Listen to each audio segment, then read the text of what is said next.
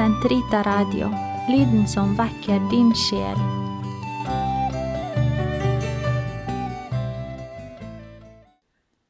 Den katolske kirkes katekisme, uke 25, mandag, paragraf 402 til 406.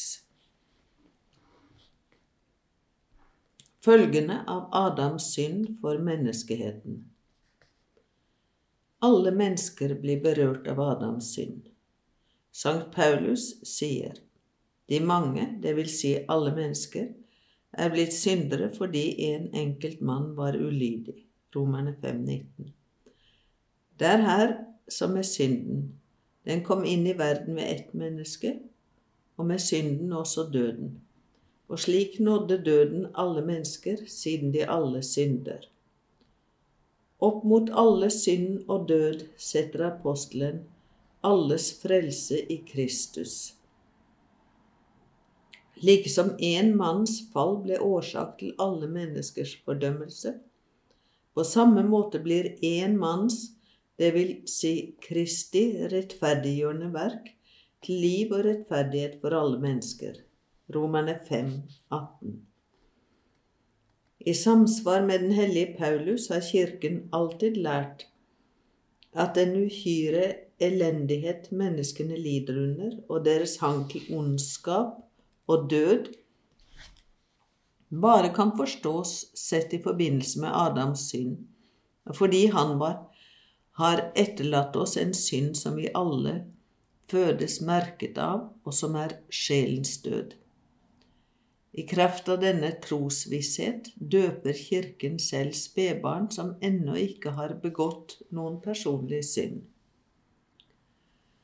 Hvordan ble Adams synd alle hans etterkommeres synd?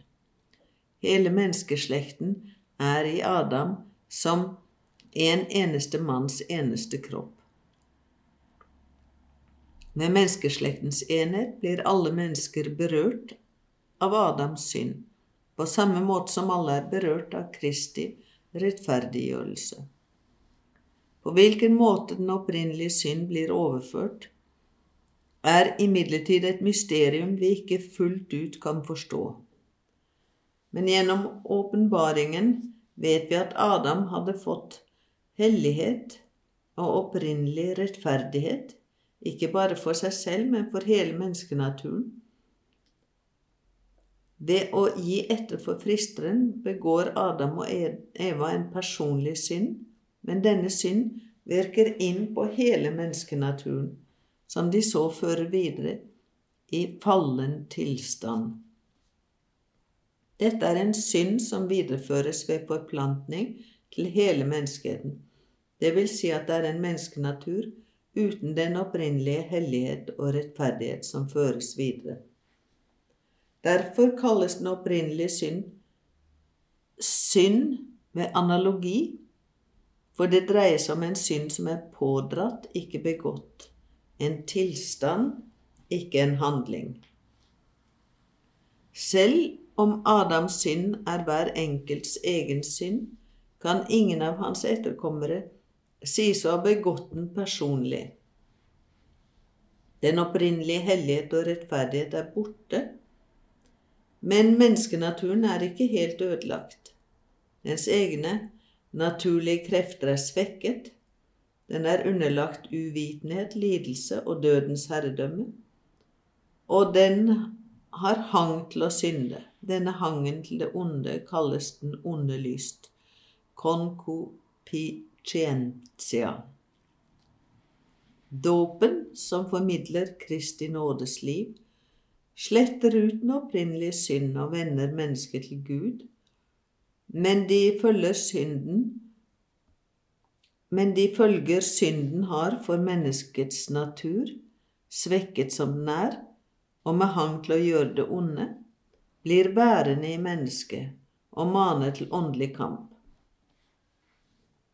Kirkens lære angående videreføringen av den opprinnelige synd ble klar, klargjort fremfor alt i det femte århundret, særlig under innflytelse fra Sankt Augustin i hans oppgjør med pelagianismen og i det 16. århundre i striden med den protestantiske reformasjon. Pelagius hevdet at mennesket er i stand til å føre et etisk godt liv bare i kraft av den frie viljes naturlige krefter, og uten å ha behov for hjelp fra Guds nåde. Dermed reduserte han betydningen av Adams synd til kun å være et dårlig eksempel. De første protestantiske reformatorer lærte derimot at mennesket var blitt gjort grunnleggende ondt av den opprinnelige synd og fratatt sin frie vilje.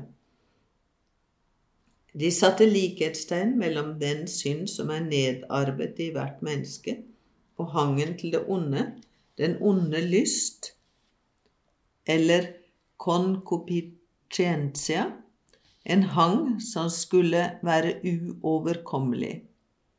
Kirken har, særlig på det annet konsil i Orange i 529 og på konsilet i Trento i 1546, uttalt seg om innholdet i åpenbaringen angående den opprinnelige synd.